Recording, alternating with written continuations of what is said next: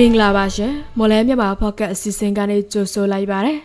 2022ခုနှစ်မဲလ17ရက်နေ့ဒီကနေ့ကျမတို့တင်ဆက်မယ့်အစီအစဉ်မှာတော့ ပရိသတ်တွေစိတ်ဝင်စားဖွယ်မွန်ပြည်နယ်တွင်ပြည်တွင်တွင်တွင်နဲ့အာဆီယံတွင်ဒရင်ဖေပုတ်ချက်ပြည်သူတွေသိထားတဲ့နေ့စဉ်ကုန်စင်တော်တွေချို့ကိုအစီအစဉ်ပထမပိုင်းမှာရွေးချယ်တင်ပြသွားမှာဖြစ်ပါတယ်။ဒါအပြင်လက်နက်ကင်ပဋိပက္ခတွေတပ်ဖြတ်မှုတွေရှော့ချနိုင်ရေးအာဆီယံအထူးကိုယ်စားလှယ်ကို PPSD တောင်းဆိုသွားမယ်ဆိုတဲ့ဒရင်ဖေပုတ်ချက်ကိုလည်းတင်ဆက်ပေးသွားမှာပါ။ ဟုတ်ကဲ့ပါဒီကနေ့အစီအစဉ်မူကတော့ကျမမီအိုင်ဘလော့ကတာဝန်ယူတော်မှဖြစ်ပြီးကျမနဲ့သူကိုအခရမွန်ကသတင်းတွေကိုကူညီဖတ်ကြားပေးတော်မှာဖြစ်ပါတယ်။နားဆင်ကြတဲ့ပရိသတ်အားလုံးမင်္ဂလာပါလို့နှုတ်ခွန်းဆက်သပါရစေ။ကျွန်တော်အခရမွန်ကမီအိုင်ဘလော့နဲ့အတူကူညီတင်ဆက်ပေးတော်မှာပါ။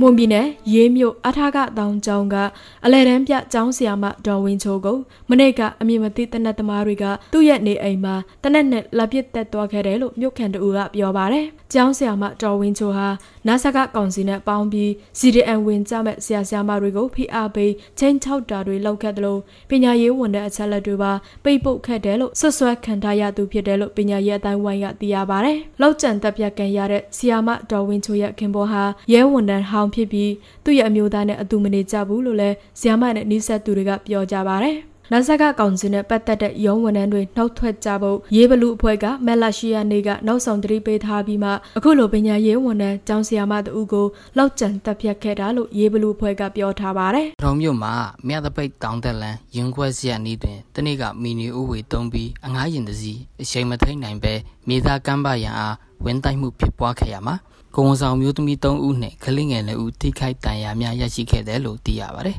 ။မီနီအိုဝေးရမောင်းက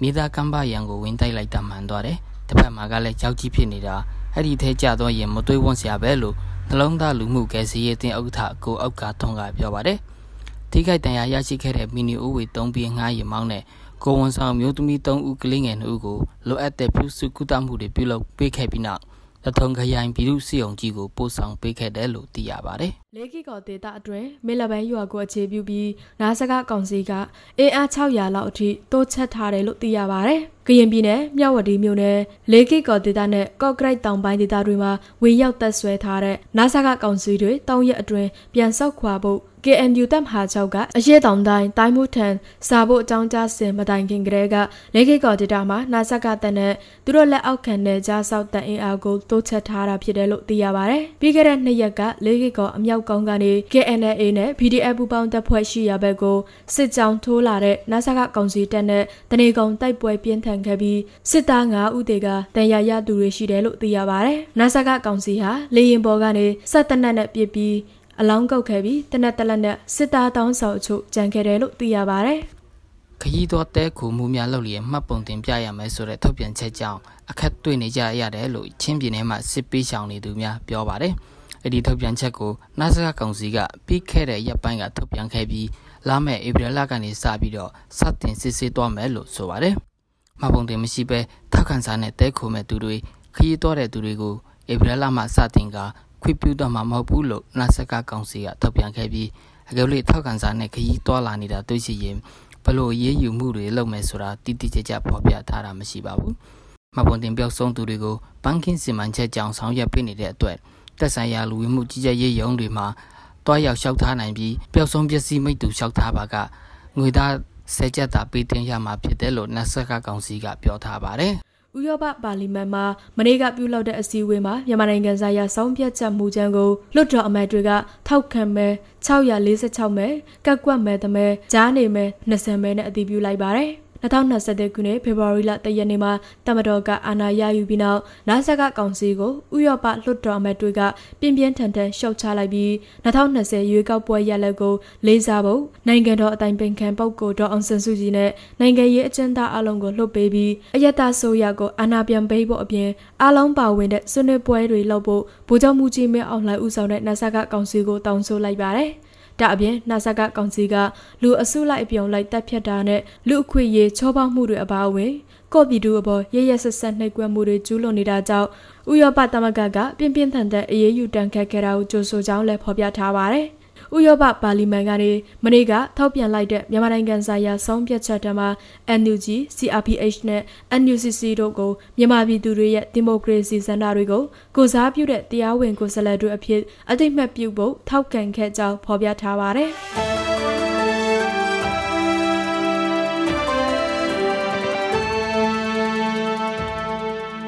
ဆက်လက်ပြီးတော့ပြည်သူတွေသိထားတဲ့နေ့စဉ်ကောင်စင်တော်တွေချို့ကိုမလမြိုင်ကောင်စီတိုင်းကအချက်လက်တို့ကိုအခြေခံပြီးကျမကတင်ဆက်ပေးပါဦးမယ်။ဒီကနေ့ထိုင်းနဲ့မြန်မာငွေလဲနှုန်းကတော့ထိုင်းဘတ်60တရမ23ညဝယ်ဈေးရှိပြီးတော့ရောင်းဈေးက60တရမ93ညရှိနေပါတယ်။ဒေါ်လာဈေးကတော့အမေရိကန်ဒေါ်လာကိုဝယ်ဈေးမြန်မာငွေ1988ကျပ်ရှိပြီးရောင်းဈေးကတော့1986ကျပ်ရှိပါတယ်။73စီတွေကတော့ဒီဇယ်တလီတာကို2440ကျပ် အောက်ဒိတ်92တက်လီတာကို2160ကျပ်နဲ့95တက်လီတာကို2285ကျပ်ထိရှိနေတာပါရောဘာဈေးနှုန်းမှာအကောင်ဆောင်ကတော့နေလှမ်းလွတ်တပေါင်းကို1220ကျပ်ရှိနေပါတယ်စံစင်းနှုန်းကတော့အကောင့်စားပေါ်စံမွေ3သိအိတ်ကြီးအလေးချိန်108ပေါင်ကို4900ကျပ်အလယ်လက်တန်ဆန်မျိုးစားပေါ်ကျွဲသစ်စံသား80ကို19000ကျပ်နဲ့ အမထဆန်တွေကတော့စန်တား80ကိုတောင်းတောင်းကျန်နဲ့စန်တား90ကိုတောင်းတောင်း1500ကျပ်ရှိနေတာပါ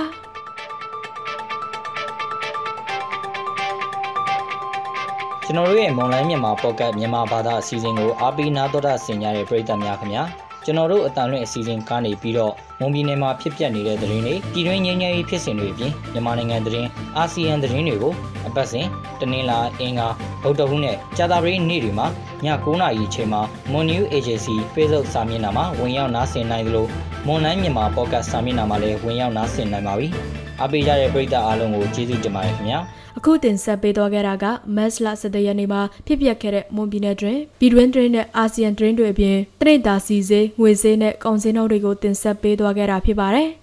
ဆက်လက်ပြီးတော့လက်နက်ကင်ပဋိပက္ခတွေတပ်ဖြတ်မှုတွေရှော့ချနိုင်ရေးအာဆီယံအထူးကိုယ်စားလှယ်ကို PPSD တောင်းဆိုသွားမယ်ဆိုတဲ့သတင်းပေးပို့ချက်ကိုဒေါ်တာကတင်ဆက်ပေးမှာပါ။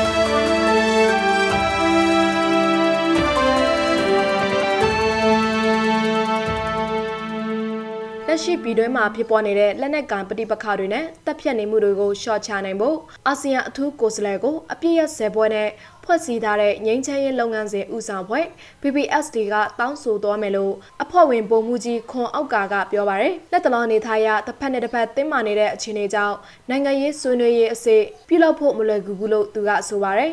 လက်ရှိနိုင်ငံရေးအခြေအနေကဝေးတယ်ဗျနိုင်ငံရေးဆွေးနွေးဖို့ဆိုတော့အလံဝေးတယ်တော့ဆက်တင်ပြနိုင်တာက ပြိပခါတွေလျှော့ပါပါတာဖြတ်တာတွေလျှော့နိုင်အောင်ကြိုးစားပါရသားတွေကိုကာကွယ်ပေးဖို့အတွက်အစီအစဉ်ပါဥဒုက္ခတွေမတမစားရောနာရိတ်ခါရောလုံချုံရောပြက်စီးနေတယ်အဲ့ဒါတွေတော့အများဆုံးဝင်ရောက်ကူညီနိုင်ဖို့ဒီကန်းရှာပါဒါပဲပြောနိုင်တယ်နော်ဟိုနိုင်ငံကြီးအဆင့်တော့သူမျိုးအဆင့်တော့ရောက်ဖို့မလွယ်ဘူးဗျအပါတော့တင်းမာနေကြတာထိုးထိပ်ရောက်နေတာ ပြီးခဲ့တဲ့ရက်ပိုင်းကအာဆီယံအထူးကိုယ်စားလှယ်နဲ့ဂျပန်နိုင်ငံအစိုးရရဲ့မြန်မာနိုင်ငံအမျိုးသားပြန်လည်တည်မြဲရေးဆိုင်ရာအထူးကိုယ်စားလှယ်မစ္စတာဆဆာကာဝါတို့တွေ့ဆုံစဉ် EAO တို့နဲ့တွေ့ဆုံဖို့တိုက်တွန်းထားတယ်လို့သိရပါတယ်။မြန်မာနိုင်ငံကိုမတ်လ20ရက်မှာလာရောက်မဲ့မြန်မာနိုင်ငံဆိုင်ရာအာဆီယံအထူးကိုယ်စားလှယ်မစ္စတာပရက်ဆိုခွန်နဲ့နောက်ဆက်ကအောက်ထားတို့တွေ့ဆုံမှာဖြစ်ပါတယ်။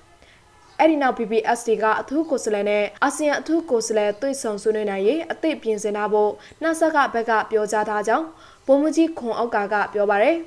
အာဆီယံထူးကိုယ်စားလှယ်မြန်မာနိုင်ငံတို့ရောက်ရှိလာပါကတိုင်းနာလက်နက်ကိုင်ဖွဲ့စည်းတွေနဲ့တွေ့ဆုံလိုကြောင်းသူ့ရဲ့သတင်းစာရှင်းလင်းပွဲမှာလည်းပြောကြားထားတယ်လို့ပုံမှုကြီးခွန်အောက်ကကပြောပါရယ်အဲနာဆာကစာပို့ထားတာတော့မဟုတ်ဘူးတွေ့ဆုံဖို့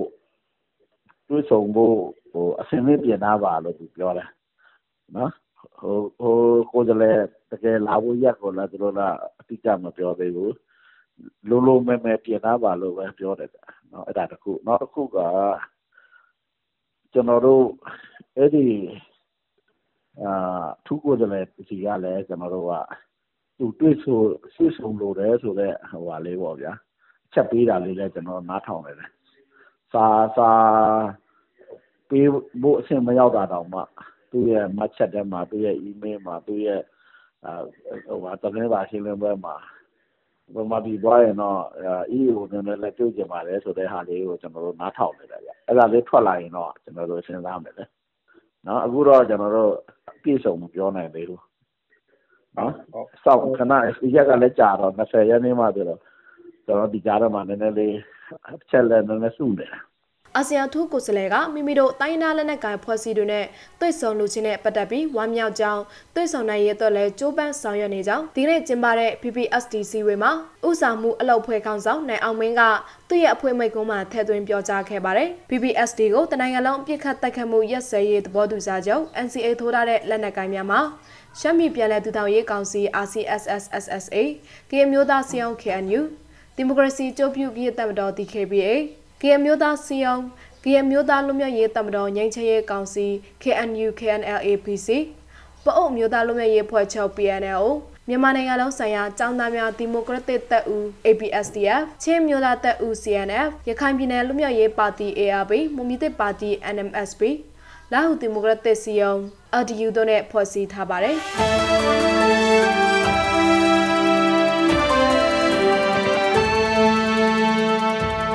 ကျွန်တော်တို့ရဲ့မွန်လန်းမြန်မာ podcast စီစဉ်ဒီမှာတင်ပြီးဆုံးပါပြီ။နားဆင်ကြတဲ့ပရိသတ်အားလုံးကိုနောက်နေ့အစီအစဉ်တွေမှာလည်းဆက်လက်အားပေးကြပါအောင်လို့ဖိတ်ခေါ်ရင်းအစီအစဉ်ကိုအဆုံးသတ်ပါရစေ။အားလုံးကိုကျေးဇူးတင်ပါတယ်ခင်ဗျာ။